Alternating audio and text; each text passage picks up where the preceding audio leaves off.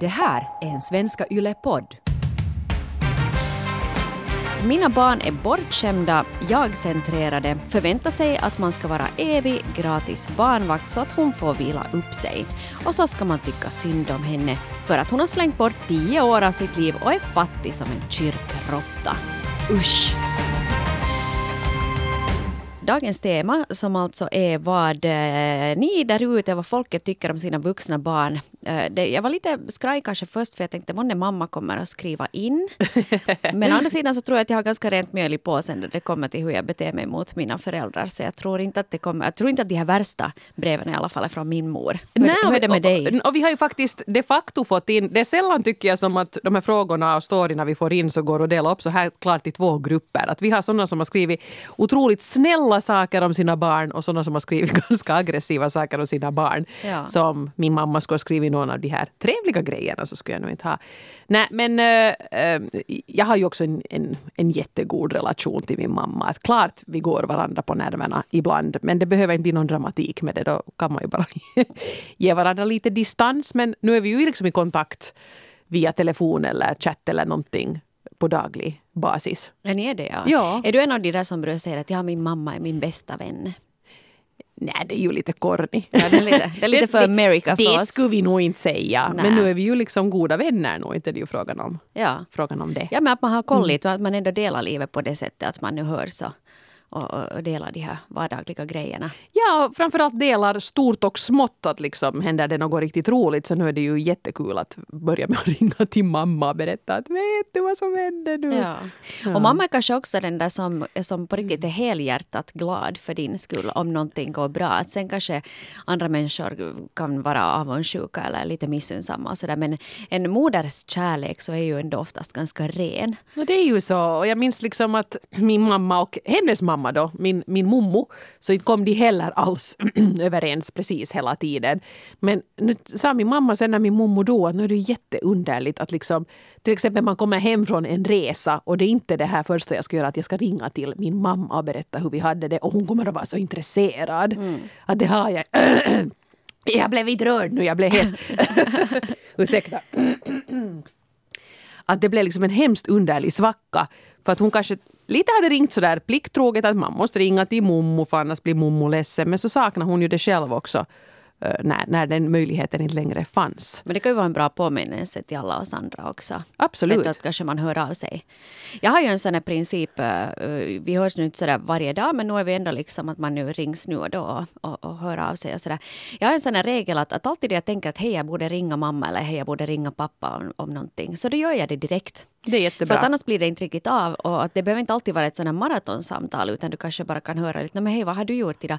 Och en sak som jag tror att är jätteviktig är det som många av oss eh, som är barn, vi glömmer bort att fråga att hur är det med mamma och pappa? Att vad har de gjort? Att man också är lite intresserad av, av deras hobbyer eller vad de har hållit på med eller deras resor. Att man inte alltid bara förväntar sig att det ska handla om mig annars är det inte viktigt. Ja, precis. Och, och vara intresserad. Liksom det, på riktigt, man, man, lyssna. Ta åt dig. Ja, nej, men det är en bra, bra regel du har där. Ja. Ehm, ja, det frågan vi ställde var du med vuxna barn, vad tycker du om dem egentligen? Och eh, många svar fick vi Ja. som vanligt. Jag hade förväntat mig att det kanske skulle kunna antingen så blir det en stor shitstorm av hela alltihopa. Ja. Eller sen så blir det ingenting. Att folk kanske är lite rädda också för att kritisera sina egna barn. För jag tror att det är lite sådär eh, tabubelagt också, tror jag Att, också. att vara kritisk mot sina egna barn. Samma som man kanske själv också, vet du, ibland om man är jäkligt störd på sina egna barn. Så inte det är någonting som man kanske säger att, att usch, att jag kan inte tåla den här ungen för tillfället. Däremot är det ganska comme il faut att klaga på sina föräldrar. Att som förälder nästan, och jag åtminstone är ju helt beredd på det här. Speciellt när mina ungar som är på väg in i tonåren. Att de ska vara så Åh, vet du vad min mamma sa? Åh." Och- och Jag är på något sätt, jag har räknat med det så det är ju liksom helt okej. Inte Kanske det ju är direkt roligt men, men det på något sätt är naturligt. Men sen för mig att hålla på och baktala dem, till exempel mina kompisar, att åh, de är så jobbiga. Det är inte riktigt okej. Inte Nej. på samma sätt. Nej. Och det, det, måste ju finnas någon typ av respekt där. Och jag tror att det är ju det som det kanske grundar sig i. Att man inte baktalar de människor som man, som man gillar. Nej, precis. Men det, det tror jag faktiskt, du var inne lite på det Eva, där just det här med att, att barnen när de kommer i tonåren så då, då försvinner det ju lite. Föräldrar är inte alls lika viktiga utan då är det kompisar, hobbyer.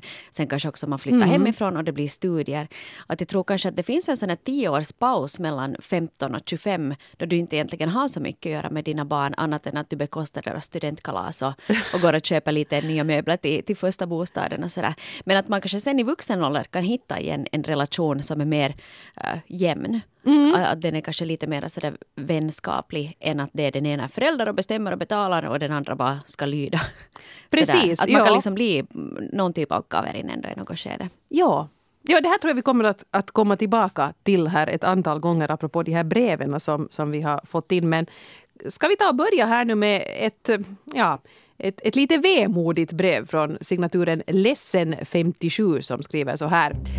Jag har två nu vuxna döttrar i 30-årsåldern. Jag har gett dem ett tryggt hem, hjälpt dem i allt från läxläsning vid tonåren, kört och sökt hit och dit, betalat deras studier och hyror för studiebostäderna och båda har bra utbildning, jobb och egna familjer. Men jag har tydligen ändå misslyckats på något sätt eftersom jag nu är kastad på sophögen när jag inte behövs längre. Det känns inte roligt. Har också under en lång tid blivit hånad för mina engelska och datorkunskaper. Nej. Det här känns, mm. känns jag, blir, jag blir ledsen när jag, när jag läser det här. Ja, ja nej men det, det, det gick rakt till hjärtat det där. Men det där är nog, vet du, jag kan nog hålla med alltså signaturen ledsen 57. Mm. Jag menar, var, var finns liksom tacken för det här? Vet du, du är 20 år så har du gjort precis allt för de där ungarna. Ja. Och du har gett dem allt och du betalar för allting. Och sen att man inte liksom uh, fyller någon typ av funktion sen efter det. Att finns det inte ens någon tacksamhet där? Jag ser inte de här 30-åriga döttrarna nu detta. Jag menar okej, okay, vi har ju mer eller mindre gratis utbildning i Finland. Så det är inte sådär som i Amerika var föräldrar måste måste liksom punga ut med tiotusentals dollar för att barnen ska få en utbildning. Men att den här ledsen 57 till och med har betalat deras hyra och verkligen det att de nu är busy och har bra jobb och ett rikt socialt liv. Det är tack vare mamma. Mm. Alltså på riktigt. Ja. Eller var det här en pappa? Det kanske inte framgick här men, ja. men det här i alla fall. Ja. Uh, jag, jag förstår mycket väl att ledsen 57 är, är ledsen. Det där är inte okej. Okay. Ja. Nej, jag håller helt med. Men jag vill ändå kasta in en liten fråga som jag faktiskt jag lite talar med mina vänner och kollegor om, om just det här ämnet. Och då var det en person som sa att varför ska man behöva vara tacksam mot sina föräldrar? Att du har ju inte bett om att bli född och en förälders ansvar är att uppfostra sina barn, betala för dem laga mat till dem och sköta om dem. Att inte behöver man, måste man vara tacksam. Nej, inte bara, man, bara vet, som en tanke, att, att behöver nej, man det? Inte tycker jag man ska stå i kontinuerlig tacksamhetsskuld. Men det är nog den där respekten du var inne på här redan. Att liksom, har någon då verkligen gjort allt detta så, så jag menar man ska inte behöva betala igen. Man står inte i skuld till sina föräldrar. Men jag tycker liksom inte att det är någon, någon form av, av jag menar man måste ju hitta en form för ett umgänge och så här. Att på något sätt liksom ändå höra av sig med att, att med det här fina livet du har skapat för mig, det här hände i mitt liv idag. Mm. Det tror jag räcker ganska långt för en förälder. Ja. Att få veta hur det, hur det går. Och sen liksom, som du sa, få den där frågan, men hur är det med dig då, mamma? Ja. Hur har du haft det på sistone? Ja, hur var det på kören? Ja, nu är jag så stabil i mitt liv eh, som jag har skapat tack vare utbildningen mm. jag fick och den där eh, celllägenheten i Åbo. ja. Så därför kan jag nu också engagera mig i ditt liv. Sen kan det förstås finnas också andra orsaker. Jag har en nära vän till mig som det går väldigt bra för och de här föräldrarna har också gjort allt för den här personen. Men hen påstår att barndomen var väldigt kylig och aldrig ja. blivit liksom sedd för den hen är. Att, man kanske, att det finns en sån underliggande aggression. Att sen när du inte behöver vara i någon typ av kontakt med dina föräldrar så då väljer du att inte vara det heller. Och, och det är kanske helt förståeligt ifall det är så att man Eh, att, man, att det har hänt någonting som, som orsakade att man inte vill vara i kontakt med sina föräldrar. Förstås, och det Förstås. vet man ju. Det vet ja. vi ju inte hur situationen har varit här. Men i alla fall hoppas jag kanske lite att någon sån här dotter i 30-årsåldern, kanske inte nödvändigtvis de här döttrarna, hör det här och får en tankeställare att kanske man nu ändå skulle höra av sig till, till mamma. Så att inte nu någon känner sig liksom slängd på soptippen, för det, det är ju inte kul. Ja. Här är ett annat brev faktiskt som är, som är egentligen det helt motsatta. Mm, för det har egentligen ja. kommit in brev i två kategorier. De som är ledsna och vet du, känner sig besvikna och de som tycker att de har en helt super nice Det blir eh, jättepolariserat här ja. faktiskt. Och för, för jämlikhetens skull så skulle vi kunna ta och, och läsa ett brev här som kom från uh, signaturen Lilla mamman 62. Hon skriver så här. Jag är så stolt över mina vuxna döttrar som båda numera är mammor själva också. En fantastisk upplevelse som jag kommer att bära med mig hela livet är när jag fått besöka dem i deras respektive hem när de bodde på annan ort. Vilken känsla att komma hem till sin vuxna dotter och mötas av en färdigt bäddad säng och ren handduk och sen få sätta sig till bords och bli serverad middag och ett glas vin. Vilken lyx! Då känner man som mamma att man nog måste ha gjort någonting rätt på vägen i alla fall. Jag har också rest med mina döttrar både på Tumis och tillsammans med båda två och vi har haft mycket roligt. Mm. Så kan det också bli.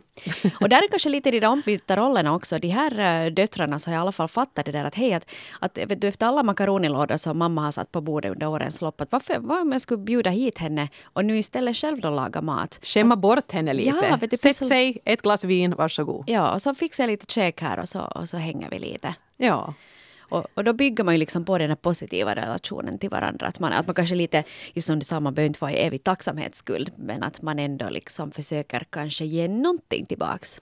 Tid, en färdiglagad måltid och en renbäddad säng. Vem blir inte glad av det? No, det är jättebra. Och det är också fint att den här lilla mamman här har, har uppfattat det som att hon liksom blir lite bortskämd. Men det som ju också i sådana här scenarier kan lite ligga där bakom är ju att man vill visa att mamma att kolla jag kan det här med att ha ett eget hushåll. Ja. Panikstäda före hon kommer. Ja, exakt. Jag Har du vattnat blommorna? omkring. Jag hoppas hon inte tittar in i det där badrumsskåpet. Ja. För dit trögar jag in alltså. Så låg framme och skräpa.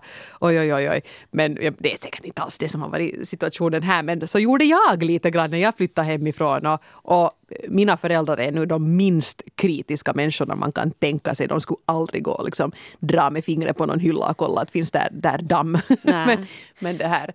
eh, I alla fall så var det en sån tendens att jag ville visa att kolla hur fint jag nu har fixat här. Mm. Eller inte vet jag sen att ska man ta det som en skymf ifall de sen försöker fixa någonting åt en.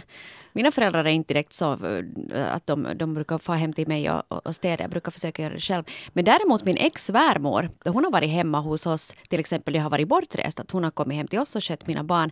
Så en gång kom jag hem så hade hon sorterat hela linneskåpet. Jaha. Vet du, som är i mitt sovrum i en sån där walk-in closet så hade hon då liksom rätt upp precis allting. Och det är ju givetvis härligt för det är sånt som jag inte kanske har tid att göra.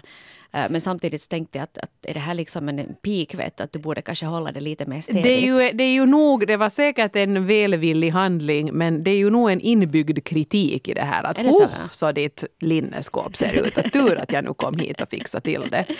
Ja, Ehm, men jag jag, nog- jag skulle bli ganska ilsken. Ja, men hon hade inte rört mina kläder i alla fall och där tycker jag att man ändå drar en gräns liksom. Att hon gick inte liksom på, på mina Hörru, grejer. du är 40, den här lilla toppen den täcker ju ingenting. Den får vi till uff. Den har alldeles för djupt dekolletage Ja, för en 40-åring. Du börjar ändå bli lite rynkig här på, på bröstet. No, det, vet, det vet hon ingenting om i alla fall, den gode ex-svärmor. Med all kärlek till henne, hon är en klippa så att det är inte någon kritik på det sättet. Men, men ibland kanske just att de där gränserna kan vara lite Lite sådär, eller just att om du har hemmamma då på besök och mamma börjar gå just då som du sa, dra med fingret längs med tavelramarna för att se att det är här dammigt. Så, så det är kanske också att man som, som förälder måste ju också respektera det där vuxna barnets hem. Precis, och vill jag säga, också ombytta roller. Att ett vuxet barn kanske inte ska gå hem till mamma som börjar vara lite, kanske ha lite dålig syn och kanske nu inte orkar städa riktigt lika nitiskt som hon gjorde på 80-talet. Så ska man inte heller gå dit och vara liksom kritisk att usch så här ser det ut. Liksom, oj. Utan då kan man ju säga att, att är det liksom, kan, kan jag liksom erbjuda sin hjälp. Att, behöver du hjälp med att städa? Att vi kan ju göra det. Eller har du funderat på att kan jag köpa dig en städtimme i morsdagspresent? Ja. Menar, whatever. Men inte liksom kritisera och vara sådär att... Nej.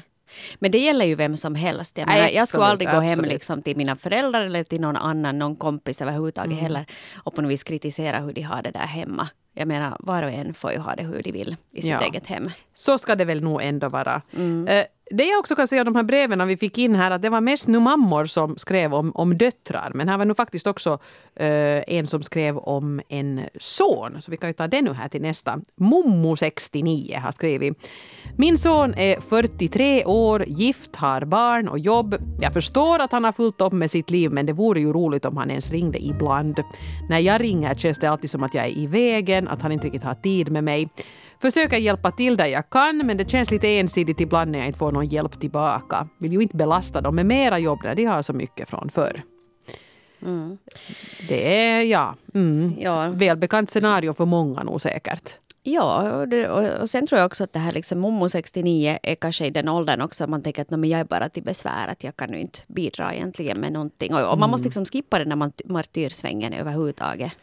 Det tror jag är ja, jätteviktigt. Och det där tror jag kanske lite är en eh, generationsfråga också. Att, att nu, nu får ni känna er träffade eller icke, eventuella runt 70-åriga kvinnliga lyssnare. Men, men nu sitter det här lilla jag och jag ska väl ändå inte... Det sitter nog ganska hårt i er generation, är ja. jag rädd. På ja. gott och ont. Ja, men liksom allt det där från att hej, vill du ha en kopp kaffe? Inte behöver du koka för min Nej. skull, men om du själv ska ha så då kan jag ta en kopp. Att jo, det här, precis. Det, det får man skippa. Så att, ja, att hej, här är frukost, här jag har köpt skinka. Nej, jag ska inte ha någon skinka, men jag har nu köpt... Nej, men nej, nej, vet du, jag tar... Har, du, har du någon liten skorpa jag kan gnaga på?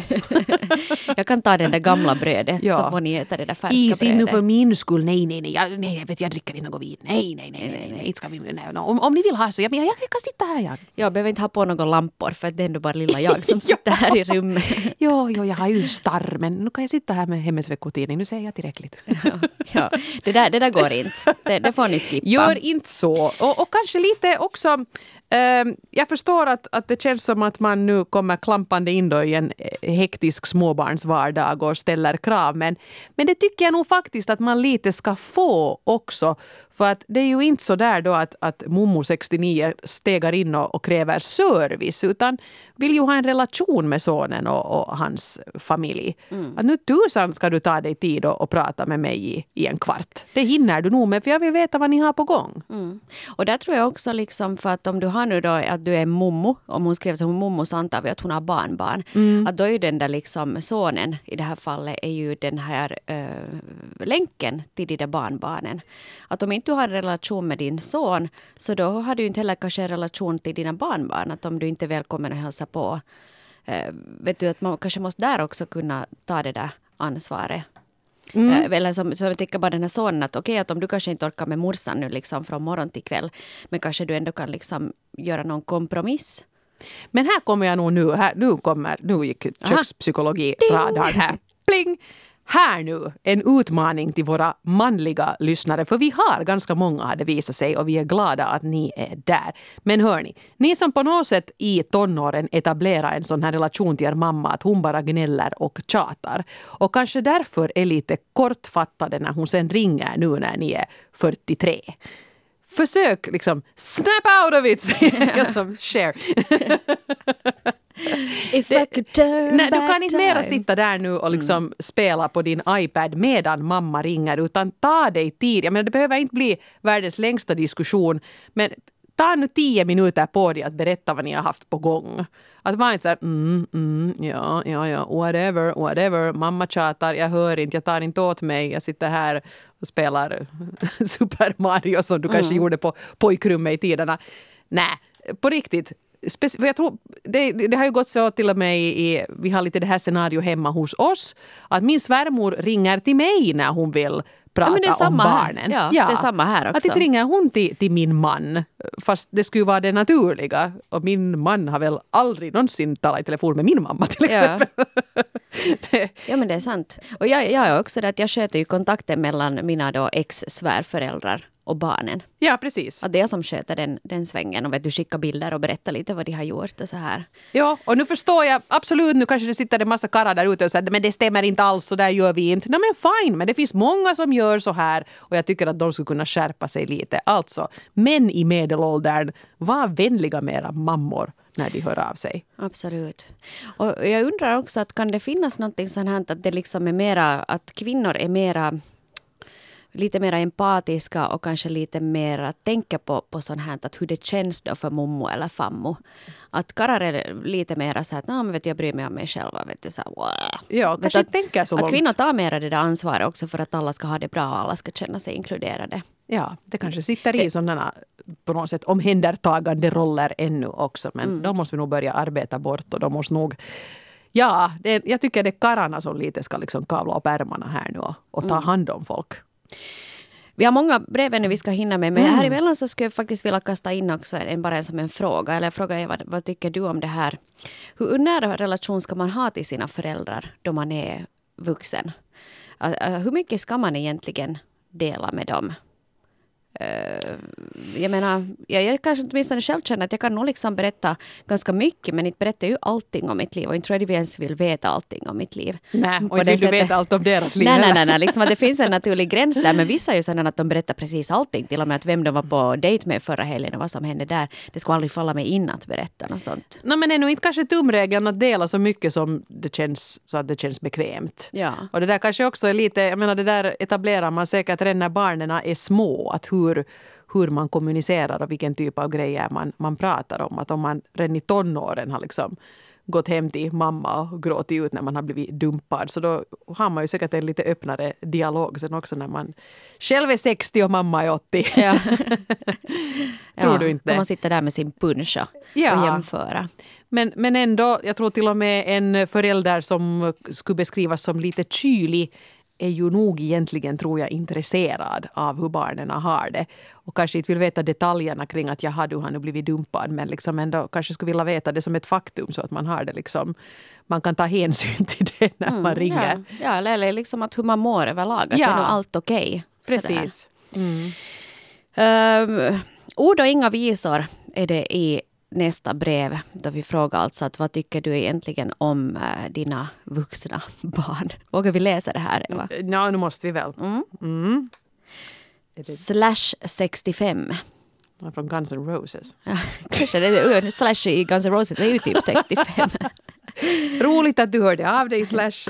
Skriver så här. Mina barn är bortskämda, jag-centrerade, åtminstone den ena. Förväntar sig att man ska vara evig gratis barnvakt så att hon får vila upp sig. Nedvärderande kritik ska man också stå ut med. För stackarn är ju så trött efter jobb och en och en halv timme gym så hon orkar ingenting. Och så ska man tycka synd om henne för att hon har slängt bort tio år av sitt liv och är fattig som en kyrkråtta. Usch! Yes! Där kom det! Hoppas det var skönt, Slash. Ja, härligt att du skriver av sig. dig. Ja, absolut. Uh, ja, no, det, det, var, det, var, det var ganska hårt men, men det kan också hända att det där var väldigt välförtjänt. Mm. Det, jag tänker just på det här att slängt bort tio år av sitt liv och fattig som en kyrkråtta. Det är ju också en, en del av föräldraskapet. att Man skulle alltid vara eh, ovi, villkorslöst stolt över sina barn. Om man tänker att ens barn har fuckat upp det på det här viset, att man eh, liksom inte har fått någonting till stånd överhuvudtaget. Då kan det ju vara svårt som förälder att vara jättestolt över det där barnet. Nå precis, ja, speciellt nu om, om den här ännu är... Jag menar... No, det är lite hårt det här, för nu vet vi ju inte någonting om det här heller. Det kan hända att, att det här barnet i fråga har suttit fast i ett riktigt snuttjobbshelvete och faktiskt jobba och jobba och jobba men inte liksom nu har fått en möjlighet att förtjäna pengar och bli mer än en fattig som en kyrkrotta. Och sen är det ju ändå ganska stora krav på människor idag. Man ska hinna gå på gym för att vara en lyckad människa. Man ska liksom eh, ha karriär och, det blir ganska mycket grejer som man försöker bolla. Uh, och då blir man nog säkert ganska, ganska trött i slutändan. Så att det kan ju nog hända att man lite nu här måste ta den här, det här barnets parti uh, också. Men uh, i kombination med det här att att man sen är ganska så här hänsynslös mot föräldrar så är det ju klart att man går över gränsen. Det är ju förstås inte okej att kritisera och härja och kräva barnvakt och, och vara oförstående. Det här barnvakteriet skulle vi kunna lite Ja. diskutera. För att många mummor och muffar så de, och farmor och farfar så de ställer ju gärna upp och, och vaktar barn. Eller kanske de helt enkelt vill hänga med sina barnbarn. Det är ju ganska naturligt. Jag har hört sägas av många i den åldern att barnbarnen är livets efterrätt. Och att på det sättet att det är helt kul att vara med dem. Och, och det är ju jättebra. Till exempel nu när vi har sportlov här i södra Finland så är mina barn hos mommo och muffa i Vasa. Passar utmärkt. För för mig är det också som ett sportlov jag är ensamstående förälder. Vet du, att typ bara behöva gå till jobbet. För sen efter det så kan du faktiskt gå till gymmet. Du hinner med alla de här grejerna som du inte hinner med annars. Precis. Och jag tror liksom att alla vinner i den situationen. Och eftersom ni bor så långt ifrån varandra så kräver det här barnvaktande lite, lite planering. Ja. Lite så här. Att man Ja. tänker ut det på, på förhand. Men samtidigt så är det också att om du fast bor i samma stad så kan det också lätt bli att, att mor eller farföräldern då blir lite som en, en sån här gratis barnvakt just som ska hämta på dagis och föra till hobbyer och, och kanske förväntas ställa upp hela tiden. Ja, där måste jag säga att jag har nästan haft liksom en, en ombytt situation med mina föräldrar och nästan blivit lite irriterad på dem för att ibland kan jag ringa till dem och säga att ah, vi har nu här med min man, vi har nu helt dubbelbokat så att vi är båda upptagna på tisdag. Att har ni något då?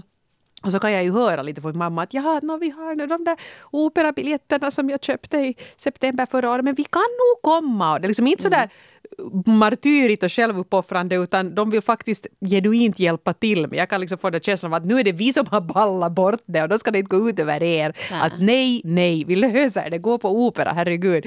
Eh, jag menar, för, de är för snälla. Mina föräldrar är lite för snälla ibland helt enkelt. Ja. Men däremot har jag ju hört om många eh, i deras generation då som, som förväntas ställa upp. Och så blir lite sådär att nu när du är pensionär så har du ju inte något annat för dig. Så du ska ställa upp hela tiden för barnbarnen och, och så att vi ska hinna göra vårt. Och det, ja, det förstår jag att man blir sur på. Ja. Och där är det nog också en, en glad liten hälsning också till alla, alla föräldrar liksom i, i, som har just barn och in- inne i den här grymma rumban. Att man, att man kanske också eh, lite tar hänsyn till att det finns ma- mamma och pappa kanske har lite egna planer också. Absolut. Och sen att man kan ju ge ett tack, vet du. Eller sen att vad, vad om du nu och då fast då köper operabiljetter till mommo och muffa som alltid ställer upp. Det är ju ett jättetrevligt sätt att fast tacka någon på. Att man, att man inte bara tar det för givet utan också visar den där uppskattningen för allt vad de faktiskt gör. Ja, jag tycker också det. Det behöver liksom inte vara storslaget och dyrt heller. Utan jag menar, hitta på någonting. Man känner ju sina föräldrar. Ge dem någonting som de skulle uppskatta. Whisky. Ja. Whisky. Ja. Tid och sprit. Det är det man bygger en fungerande relation på. Vad ska man annars göra på sin pension om inte man sitta och hutta? Ja. Hej, nu, vi, vi måste ta lite sådär wrap it up här. Men, Mm. Jo, jo. men vad heter det? Eh, Pia, 53, hade ju en helt tänkvärd eh, tanke här. Eh, såklart finns det jobbiga vuxna barn som kanske haft föräldrar som skämt bort dem och föräldrar som nu får skörda den sådden. Men nu finns det också många slöa föräldrar som hellre stagnerar än gör något annorlunda. Here, here. Ja. Det är ju inte liksom så att alla parter är nog säkert lika skyldiga när en relation inte rostar igen. Ja, och sen att om du nu liksom har curlat ihjäl dina barn så att de har blivit vana ända sen de typ kunde yttra sitt första ord att, att mamma och pappa gör precis vad som helst för mig. Jag behöver bara liksom titta åt ena hållet så kommer någon springande. Eh, Så då kanske att om du har etablerat en sån relation att du är den där ständiga uppassaren redan sen barnsben Sen, de, sen barnen var små så kan det ju hända att de förväntar sig att nu när du är 33 så nej, men mamma får väl styra upp det här. Liksom. Att det är ju Som föräldrar hennes som, roll. som ringer runt och fixar sommarjobb till sina 18-åriga Ja. barn. Nej, gör inte. Gör inte det. Det kan bita dig i, i baken senare i livet. Ja, bita mm. barnen i baken framför allt. Då de verkar hur Alla. det är ute i riktiga världen. Ja, exakt. Alla får ett bett i baken. ja, men det där är ju kanske också lite det där att eh, jag tänkte på från det här brevet också att hur mycket skit tar du från dina barn? Och det, jag har tänkt på det redan nu då mina barn är små. Vet du, att hur, hur tillåter jag dem behandla mig? Och jag tror att man måste dra en tydlig gräns liksom redan i, då de är barn. Jag har Att vet vad går jag med på och vad går jag inte med på? Jag har en sån där standardfras som jag har lärt mig av Oprah. Och det är inte Oprah har inga barn, men Oprahs bästis Gail har barn. Så hon förklarar i något Oprah-avsnitt då att om hennes barn är ofina med mig så säger hon att jag undrar vem du pratar med. För det är bara jag här i rummet, men, men jag vet ju att så där pratar du inte med din mamma. Så det måste vara någon annan här. Det är nog lustigt att jag liksom inte ser vem det är du pratar med på det där sättet. Det är en bra grej. Lite så här passiv aggressiv kommentar. Så det har jag kört Ja. några gånger. Och det där kanske man kan ändra på också. Vet du, om det är fast nu att man känner att hej, att jag är en eh, mommo eller mo- farmor som är jätteutnyttjad. Att nu kan man ju sätta ner foten också och säga att hej, sorry, jag kan inte komma på tisdag för jag har operabiljetter. Ja, det är nu på det sättet. Att sorry att det går inte. Men Ja. nästa gång så ser vi hur det är. Att inte behöver man liksom slå knut på sig själv heller för att, för att vara till lags. Och sen om man är en, en mommo, muffa, farmor, faffa som tycker att man inte får umgås tillräckligt med sina barnbarn så då skulle jag nästan ge det rådet att gör något konkret. Att hör ni, säg att Hej, de har dinosaurier på Heureka. Nu bokar jag biljetter, när kan, kan ni komma? Liksom att man sådär spikar fast det. Att man inte bara är så att ja, no, det är nog hemskt länge sedan vi sågs. Att nu skulle det vara roligt om ni någon gång skulle komma hit. Nej, hitta på något som de där ungarna kommer att, att vilja göra tillsammans med dig istället. Kör på. Ja. Och sen tror jag också att man, att man försöker etablera den här kontakten till momma och muffa vet du, redan tidigt. Också för de egna barnen. Liksom. Att jag kan vara, eh, deras farföräldrar bor i Uleåborg. Så det kan jag vara att alltid liksom efter julen så kommer de dit en vecka. Så har vi Precis. gjort det liksom senaste fem åren ungefär. Och det är ju win-win för jo, Jo, alla. alla räknar med det och sen så styr man upp det. Att man liksom verkligen bokar det, ser till att det blir av. Att det behöver inte vara att man reser bort men just att man fast går och gör någonting tillsammans. Titta på dinosaurier, vem blir inte glad av det? Ja. Mm. Jag vet inte om jag skulle bli så glad, men, men någon blir säkert glad. Någon blir glad. De, det lär vara grymt mäktig den där utställningen Ja, faktiskt, ja. säger ja, där är säkert ett och annat barn nu här under sportlovet och tittar på dem. Hej, En liten solskenshistoria så här avslutningsvis. Det här brevet har kommit in från signaturen Lycklig mor och mormor 81 år. Jag har bara gott att säga om min dotter. Har varit ensamstående mamma hela hennes liv. Hon har jättemycket jobb men ringer eller mejlar varje dag. Vi bor båda i Helsingfors. Hon har sällan tid att besöka mig, men när hon och hennes familj gör det så äter vi middag, tittar på gamla familjefilmer och så vidare. Vi brukar också ses på stan på en sallad eller kaffe. Hon berömmer mig för att jag kan använda min surfplatta, åtminstone lite. Och hon skulle aldrig kritisera mina klädval och är allmänt hövlig. Vi kommer mycket väl överens då vi reser tillsammans. Min dotter och mitt barnbarn är hela mitt liv och jag är mer än tacksam över dem. Ja, men vad härligt. Så där kan man också få det att funka. Åtminstone mormor 81 så fick du ju in, fyllt i vårt formulär med din surfplatta. Jag tycker också du är duktig. Ja, verkligen. Jättebra. Och, och här är just det här att som hon säger att, att den här dottern har mycket jobb och, och det är lite hossigt och, och bökigt och sådär. Men man kanske slår en signal eller mejlar. Eller vet du, hör av sig på något sätt. Och sen ibland så lyckas man få till de där träffarna då. Så blir det lite mat och, och häng och sådär. Ja, skuldbelägg inte varandra, det är, det är väl det dummaste man kan, kan göra. Men titta vad fint det kan bli om man har på något sätt. That's the spirit vill jag liksom säga här. Ja. Och kanske som en sån avslutande råd att om det nu är så att man är i en sån där situation där man inte på riktigt kommer överens med sina eh, vuxna barn så kanske man kan fundera att vad, vad kan jag göra? För det är det klassiska, du kan inte förändra någon annans beteende, det enda vad du kan förändra ditt eget beteende eller det är hur du förhåller dig till hela situationen. Och där kanske man kan försöka då se till sig själv först, att vad kan jag göra? Se, sig- se sig själv i spegeln. Ja, att är det dinosauriebiljetter eller är det det att, att jag kanske behöver göra någonting konkret? Eller behöver jag bara bry mig lite mindre om det är så att min närvaro inte är önskad? Då kanske jag behöver hitta något annat som, som fyller mitt liv också. För ingen vill ju vara den där eh, att man alltid ringer och, och den andra personen låter alltid stressad och har ingen lust att tala. Man slutar ju ringa efter ett tag, det är ju så. Det gör man ju. Men precis. Och alla ni vuxna barn där ute, jag tror att det kommer att harma er sen i något skede, för det här ligger framför oss alla. I något skede då mamma eller pappa inte ringer något mera. Vad gör du då liksom? Då kanske du tänker om. Att hur borde jag ha varit under de här senaste 10-20 åren kanske. Jag tog åtminstone åt mig ganska mycket av, av de här breven vi fick in här på av, av väldigt varierande grad. Absolut, börja med att lite fundera över sitt, sitt eget beteende. Det är ju nog säkert en bra tumregel i, i de flesta situationer. Det. Tusen tack igen till er Tack. som hörde av er. Många visdomsord fick vi med oss här idag. Härligt! Nästa vecka då ska vi ta och byta tema helt totalt och istället ta och titta tillbaks lite i tiden. Jag insåg här faktiskt nu idag i morse att det är exakt 20 år sedan jag var på abikryssning. Och en, en klasskamrat som, som tydligen hade träffat sin blivande man på abikryssningen så delade ut en bild här att uh, vi 20 års jubilerar och då insåg jag att herregud jag var med på samma båt så det är 20 år för mig då också. Eh, och det har varit penkis, det har varit gam, de gamlas dag och sånt här. Det har, åtminstone har mitt, mitt studieliv och min ungdom lite så här gjort sig påmind här på sistone och då kommer man ju in på tanken Tänk om det klassträff. Har du varit på klassträff kanske nyligen? Hur var det att se de här människorna som du kanske inte har sett på 20 år eller, eller ännu längre? Skriv in och berätta dina erfarenheter av klassträffar och, och, och hur det kändes helt enkelt. Ja, ser du fram med, med bevan eller med förtjusning mot att träffa dina klasskamrater på nytt? Det blir riktigt en, en mustig klassträffsspecialare här i podden nästa vecka. Vi hörs då. Skriv in via svenska.yle.fi eller mejla oss på relationspodden yle.fi. Du är alltid fullständigt anonym då du hör av dig. Och så hörs vi igen om en vecka. Jag ser redan fram emot det här. Yay! Oj, oj, oj, oj, oj, oj, Hej då! oj, oj. Ha det fint, hej! Hej!